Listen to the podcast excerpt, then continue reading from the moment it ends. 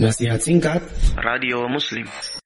Ustadz bagaimana hukumnya orang awam yang mengucapkan selamat perayaan hari raya agama non muslim sedangkan orang tersebut belum mengetahui uh, hukum tersebut? Ya. Ya yang perlu kita ketahui ada beberapa poin ya. Dari surah yang sudah kita hafal yang kita ya baca semuanya ya yaitu kul huwallahu ahad Allahu samad lam yalid wa lam yulad wa lam yakul lahu ahad. Keyakinan akidah seorang muslim itu bahwasanya Allah itu tidak memiliki apa? anak. Ya, dan Allah tidak dilahirkan. Ini akidah kita. Akidah kita dan ini akidah yang sesuai dengan fit fitrah. Fitrah yang lurus, akal yang jernih. Dia akan mengajak untuk berpikir secara jernih bahwasanya Allah itu Esa, tidak memiliki anak dan tidak dilahirkan. Ya, itu. Kemudian yang kedua, bagaimana ya mengucapkan selamat perayaan hari agama lain? Bagaimana kita mengucapkan selamat terhadap kesyirikan? Ya. Perkara dia melakukan kesyirikan, ya, itu urusan mereka. Tapi kita tidak boleh mengucapkan apa? Selamat atas perbuatan mereka. Karena Allah murka. Ya, karena Allah apa? Mur murka. Ya. Dan Allah mengatakan laqad ji'tum syai'an iddah dan sungguhnya kamu telah ya membawa satu perkara yang sangat apa? mung mungkar. Ya. Ketika apa?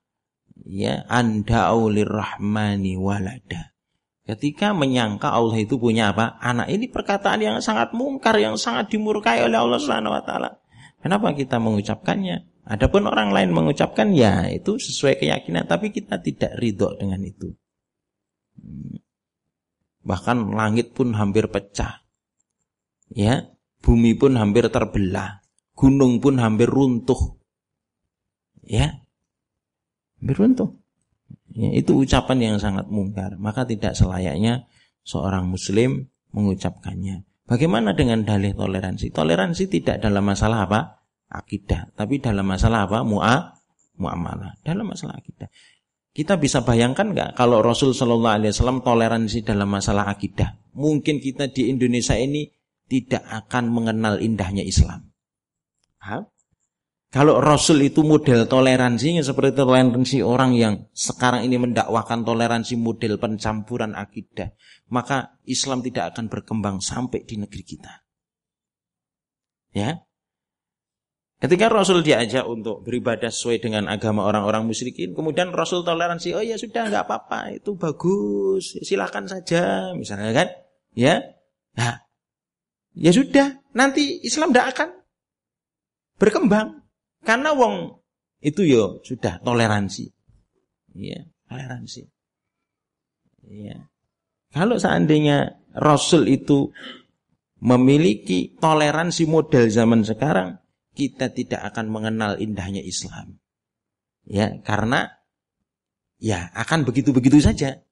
Ya, orang musyrik di zaman Rasul tetap dalam kesyirikannya. Ya, begitu karena saling bertoleransi dengan model yang seperti itu ya. Dan ini tentu tidak tepat ya.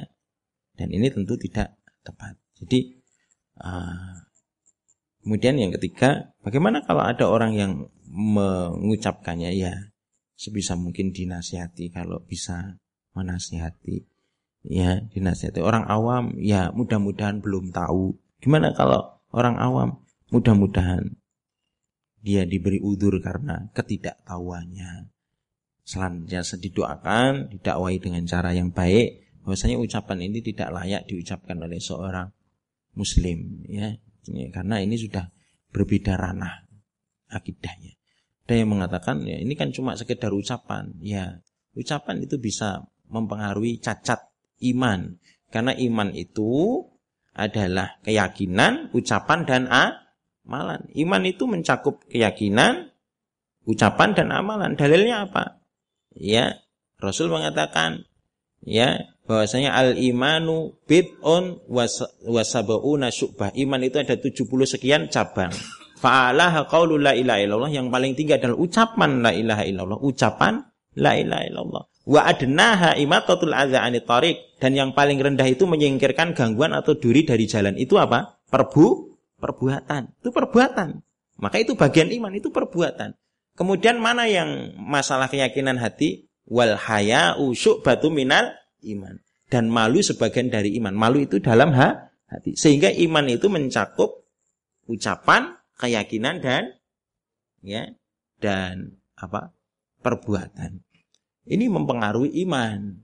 Makanya kalau ada orang non muslim dia mengucapkan la ilaha illallah Muhammadur Rasulullah secara dohir dia kita hukumi sebagai orang apa? Is Islam. Makanya ketika ada sahabat yang dalam perang kemudian ketemu sama musuhnya, ketika sudah mau dibunuh kemudian dia mengucapkan la ilaha illallah kemudian dibunuh, Rasul Shallallahu alaihi wasallam marah. Marah karena secara dohir itu dia sebagai seorang apa mus muslim. Ini sekedar ucapan, adapun hati kita tidak tahu. Maka jangan meremehkan ucapan. Ya, jangan meremehkan. Kan cuma ucapan. Karena orang selain Islam juga nggak mau sekedar mengucapkan apa? La ilaha illallah Muhammadur Rasulullah. Nggak akan mau. Kenapa? Ucapan itu mempengaruhi apa? Iman mereka. Ucapan la ilaha illallah Muhammadur Rasulullah mempengaruhi iman ajaran agama lain. Ya, walaupun itu kita katakan cuma ucapan misalnya, tapi mereka tidak akan mau. Oleh karena itu kita juga jangan sampai ya mau mau mengucapkan seperti itu. Itu mempengaruhi cacat iman. Waliyatubillah. Tapi harus didakwahkan dengan cara yang baik. Ya, nanti silakan dibuka di surah Maryam. Surah apa? Mar Maryam. Ringkesannya di surah Al-Ikhlas, kemudian di surah Maryam bagi orang pengagum toleransi model zaman sekarang, mesti kalau ngaji tafsir, kemungkinan besar surah Maryam gak akan pernah diajarkan. Ditutup itu. Karena sangat radikal. Ya kan? Ya, kalau ngaji tafsir mungkin dilompati itu surah. Dilompati. Ya, oleh karena itu, ya kita ya ya ya apa adanya saja. Silahkan nanti dibaca surah Maryam. Dibaca surah apa? Maryam. Tapi mereka tidak akan pernah bisa menghapus surah apa? Maryam. Paling ya cuma nggak diajarkan saja. Ya. Nanti silahkan dibuka surah apa? Maryam. Ditadaburi bagaimana sikap ya kita sebagai seorang muslim dalam mensikapi hal tersebut. Ya. Demikian ya masih banyak tapi mohon maaf sudah waktunya sudah habis. Kita tutup. Mudah-mudahan Allah selalu memberikan istiqomah kepada kita semuanya menjadikan keluarga kita, anak turun kita sebagai orang-orang yang dicintai oleh Allah Subhanahu wa taala.